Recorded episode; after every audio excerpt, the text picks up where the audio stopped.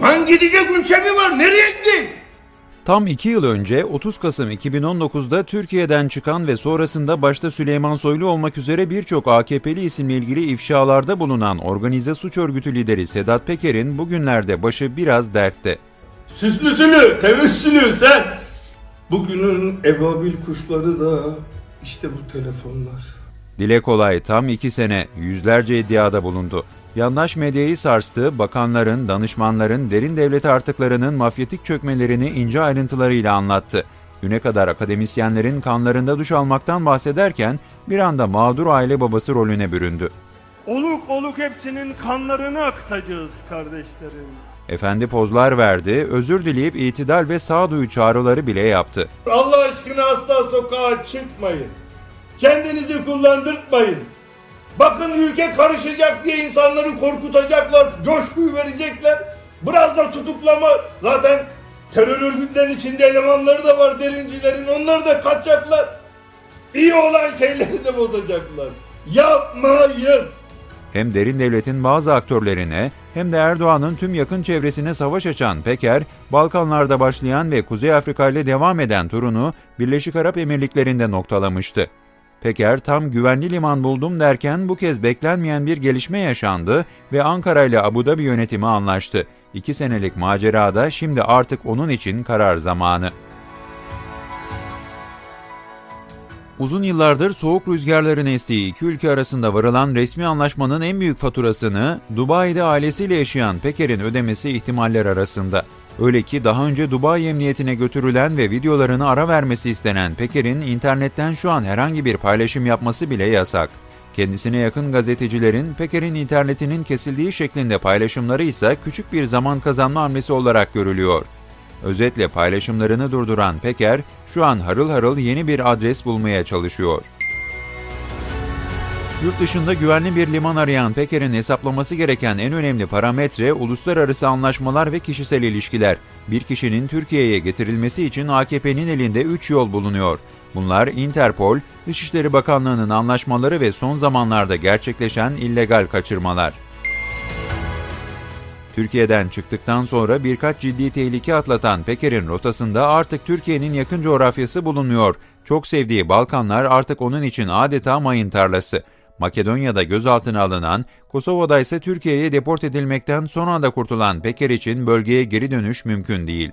Üçüncü ayın sonu bir baktım Amerika Saddam'ın sarayına inanın öyle girmedi. Yüzlerce asker, 200 tane tüfekler, bomba, cemseler lan ne oluyor dedim arkadaş. Anlamıyorum da bizim tabi bizim büyükelçilikten aktarmışlar işte şu kadar silah olur, bu kadar tüfek olur, şu olur, bu olur. Bana dediler imzala. Bir baktım neye imzalayayım? İmzala dedikleri şey şu. Kuzey Makedonya, Üsküp, Türkiye, İstanbul. Uçak. Sürekli değişen dengeler sebebiyle ağzı yanan Peker'in artık Orta Doğu'da bir ülkede kalması beklenmiyor. Dolayısıyla Arap coğrafyası da oyun dışı. Türkiye'nin normalleşmeye çalıştığı Mısır'da dahil Kuzey Afrika'da da kalması mümkün olmayan Peker için peki Türk dünyası bir alternatif olabilir mi? Cevap kesinlikle hayır. E, Rusya'ya gidemem. Çeçenistan'a geçmişte yaptığım yardımlardan dolayı.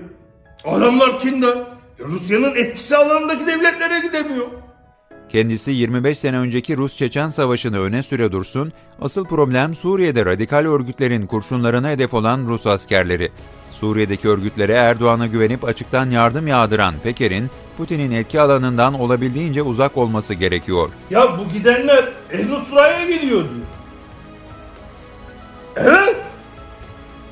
Benim üzerimden gidiyor. Allah razı olsun Sedat Peker Reis'ten. Bizleri en zor günlerde, en zor zamanlarda, en zor şartlarda yalnız bırakmadı.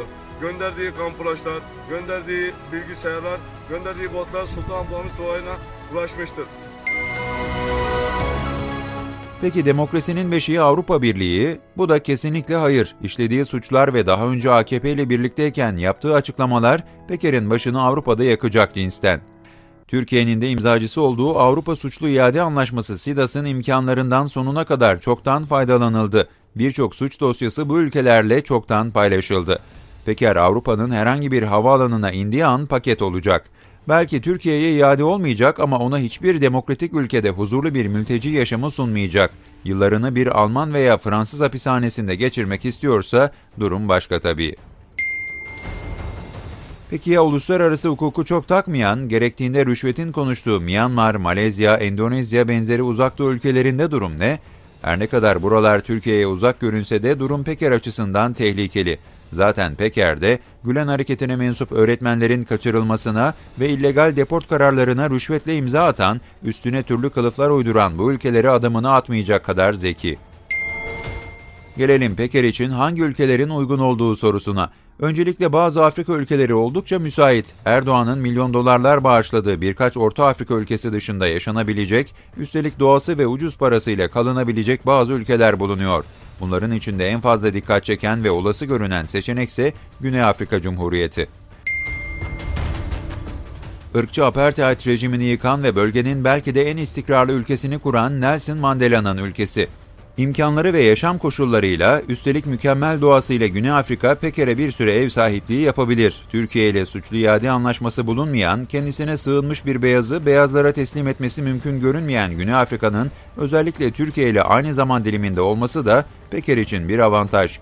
Batı tarzı eğitim kurumları ve bazı sağlık hizmetlerine erişim kolaylığı önemli bir tercih sebebi. Peker eğer Güney Afrika'da da kalmak istemezse yakın coğrafyada fazla seçeneği kalmıyor. O zaman okyanus ötesi seçenekler devreye giriyor. Yani Amerika kıtası. Anlı şanlı Nazi komutanlarından Tosuncuk lakaplı Mehmet Aydın'a kadar herkesin aklına gelen ilk coğrafya Güney Amerika ülkeleri. Fazla toz kaldırmadan sessiz sadasız gelse kimsenin ruhu duymaz. Parası olana gayet iyi imkanlar sunan Latin Amerika topraklarında en büyük sorunsa Peker'in meslektaşları. İddiaya göre Tosuncuk'un Türkiye'ye gelip teslim olmasının da bir sebebi. Parası olan biraz da lükse düşkün yabancıların çetelerin radarına girmesi en büyük problem. Bizim tavsiyemiz Latin Amerika seçeneğini değil, şimdi söyleyeceklerimizi dinlemesi. Peker için en büyük koz sahip olduğu bilgiler, emniyet kaynaklarına göre Türkiye'nin en büyük üçüncü suç örgütünü yönetti. Suriye Savaşı, kara para rotası ve uyuşturucu trafiğine kadar önemli bilgilere sahip. Şimdi bu mal yakalandıktan sonra yeni bir güzergah kurmak için Venezuela'ya kim gitti? Evet kim gitti? Eski Başbakanımız Sayın Binali Yıldırım Bey'in oğlu Erkan Yıldırım Bey. Erkan Yıldırım, Halil Falyalı. Birazdan geleceğiz. Uyuşturucunun şeyini. Bu bilgileri özgürlüğü karşılığı satın alabileceği, hatta isterse at çiftliği kurup malikanelerde yaşayabileceği Amerika Birleşik Devletleri en önemli seçenek. Reza Zarrab gibi ABD hazinesini 20 milyar dolar dolandıran bir kişi bile tanık koruma programından yararlanıp lüks hayatına devam ediyorsa Peker neden yapamasın? Üstelik mahkemelerde vereceği bilgiler ahiretliğinin canını fena halde yakabilir. Helalleşeceğiz dediği abisinin de uykularını kaçırabilir.